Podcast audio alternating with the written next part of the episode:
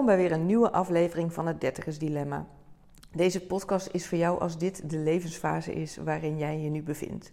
In deze aflevering neem ik je mee ja, in wat het Dertigers Dilemma is en vooral ook ja, hoe belangrijk het is om daarin uh, jezelf serieus te nemen en wat mee te doen. Ja, wat is nou het dertigers dilemma? Het dertigers dilemma is een, ja, een levensfase. Heel veel mensen maken deze mee in meerdere of mindere maten.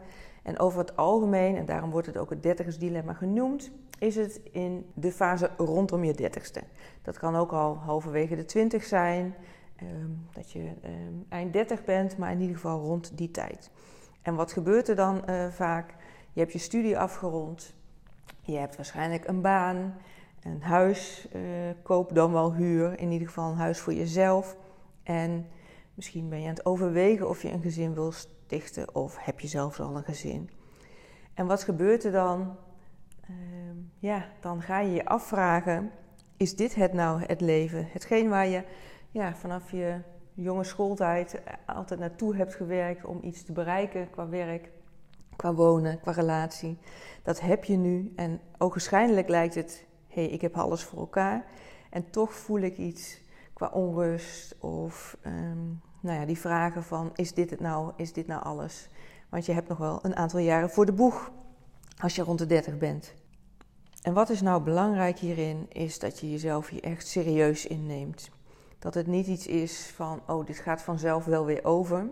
En natuurlijk kan het in golfbewegingen zijn, hè, dat je er momenten meer of minder last van hebt.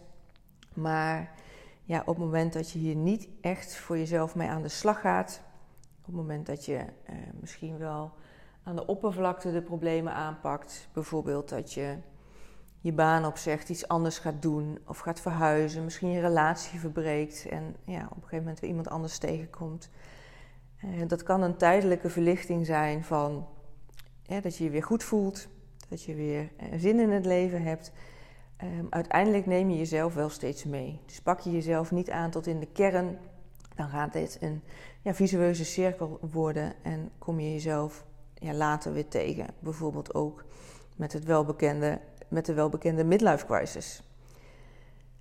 En op het moment dat je dit nu voor jezelf niet aanpakt, heb je ook het risico ja, voor bepaalde klachten, zoals een burn-out of een board-out. En een board-out is dat je ja, eigenlijk te lang onderprikkeld bent, niet uitgedaagd wordt in je studie of in je werk, waardoor je eigenlijk dezelfde klachten kan krijgen als ehm, met een burn-out.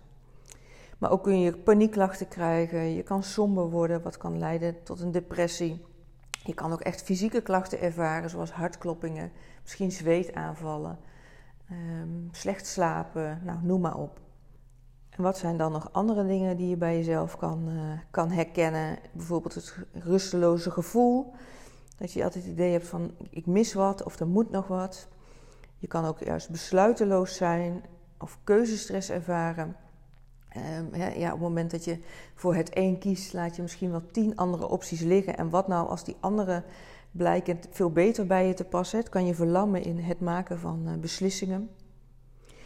Het kan ook zijn dat je jezelf veel vergelijkt met andere mensen. Dus dat je op Instagram, ehm, op televisie, nou ja, andere internetmogelijkheden mensen het leven zien leiden wat jij graag wilt. Maar dat je geen idee hebt hoe je dit voor jezelf kan realiseren. Of dat het ja, eigenlijk onwerkelijk voelt dat je dit voor jezelf kan realiseren. Wat kan leiden tot frustratie, irritatie en ook weer uh, ja, stemmingsklachten wat in deze maatschappij ook veel speelt, is eigenlijk alles is mogelijk. wat ik al zei, je ziet ook veel mensen die ja, hun mooiste leven profileren op, uh, op het internet. En wat je dus bij jezelf herkent, is waarschijnlijk de levensvragen die bij je opkomen van, is dit het nou? Is dit alles? Hoe moet ik de rest van mijn leven nu nog verder als, uh, als dit het is? En hoe pittig deze fase nu ook voelt, het gevoel van wanhoop misschien wel wat je kan ervaren, Weet dat dit tijdelijk is. Weet dat je hier wat aan kan doen. Het is in ieder geval een duidelijk signaal van je lijf om met jezelf echt aan de slag te gaan. Het geeft je de mogelijkheid om de regie te nemen op je leven. Het geeft je de mogelijkheid om sturing te geven aan je leven, zodat je anticipeert naar wat je wilt in plaats van dat je reageert op wat je overkomt. Wat is dan ja, belangrijk dus om tot die kern te komen voor jezelf, is om jouzelf ja, existentiële levensvragen te stellen. Dus echt die de diepgang ingaan waar je ja, echt even mag stoeien voor jezelf van hé, hey, hoe is het nou voor mij? En dat je daar echt een antwoord voor jezelf op gaat krijgen, zodat je niet die herhaling van zetten krijgt dat je over een paar jaar opnieuw gaat worstelen met dezelfde thema's. En vragen die je bij voor kan stellen is, ja, waarom ben ik hier? Als je jezelf voorstelt dat we een jaar of tachtig worden, terwijl de hele aardkloot um, weer miljarden jaren bestaat. En als je daar echt even heel bewust bij stilstaat van, ja, wat doen we hier dan? Hè? Hoe belangrijk is alles wat we in het leven ja, doen en, en, en hoe serieus nemen we het? Op het moment dat jij daar bij stil gaat staan, kun je ook jezelf vragen van, oh ja, maar de tijd die ik hier heb, dus op deze aarde, wat is dan belangrijk voor me? Hoe zie ik mezelf eigenlijk? Wat wil ik voor mezelf? Wat wil ik misschien voor de ander, voor de mensen om me heen? Of wil ik iets betekenen voor de wereld? Wat maakt mijn leven nou echt zinvol? En wanneer is mijn leven de moeite waard? Hoe wil ik het leven inrichten? Hoe wil ik mijn leven leven? Dat zijn allemaal grote vragen, maar nogmaals heel belangrijk om daar antwoord op te krijgen voor jezelf. En check dit ook regelmatig. Het is niet als je dat eenmaal rond je dertigste hebt gedaan, dat het dan niet belangrijk is om dit te blijven doen. Maar check eens in de vijf jaar eens even, waar sta ik nou eigenlijk? Geef eens opnieuw antwoord op deze vragen. Want je leven verandert en jij verandert, de omstandigheden veranderen. En daarin kan het ook zijn dat de richting in je leven misschien wel aangepast mag worden. En door jezelf deze vragen opnieuw te stellen, eens in de zoveel tijd, voorkom je dat je later alsnog die midlife crisis krijgt. Wat ik ook wil meegeven met deze podcast is heel duidelijk de boodschap dat je niet alleen staat in dit. Er zijn echt ontzettend veel mensen die hiermee te dealen hebben. En het voelt vaak zo alleen omdat er, ja, wat mij betreft, te weinig over gesproken wordt. Het lijkt alsof de ander het heel goed voor elkaar heeft, terwijl, nou ja, ga eens in gesprek met die ander en je zult, zult horen en je zal zien dat ook die ander niet zo'n perfect leven heeft. En dat is ook wat ik met deze podcast wil bereiken, door met mensen in gesprek te gaan die dit ervaren hebben, die er misschien nog zelfs middenin zit, maar om dit te delen, dit verhaal, en ook hoe je eruit kan komen. Dat je eruit kan komen, dat het jou weer hoop en kracht geeft om daadwerkelijk actie te ondernemen. Dat je hier niet in hoeft te berusten in, in de klachten die je hebt, dat je gaat ja, ik zie het vaak als symptoombestrijding, dat je met die klachten aan de gang gaat in plaats van echt de diepte ingaat met die vragen die ik net noemde te beantwoorden voor jezelf, zodat je ook echt de kern aanpakt. Dan kan ik me voorstellen dat het ook best wel overweldigend kan voelen van ja, maar hoe kom ik dan tot die antwoorden? Ik, ik zit maar te worstelen met die vragen, ik zit er maar op te staren en eh, ja, eigenlijk komt er niks. Weet dan ook dat je dit niet alleen hoeft te doorstaan. Ik wil er met je over sparren, ik wil er met je in meedenken. Ehm, het is ook mijn missie dat ik de dertigers die hiermee kampen echt verder help in het leven.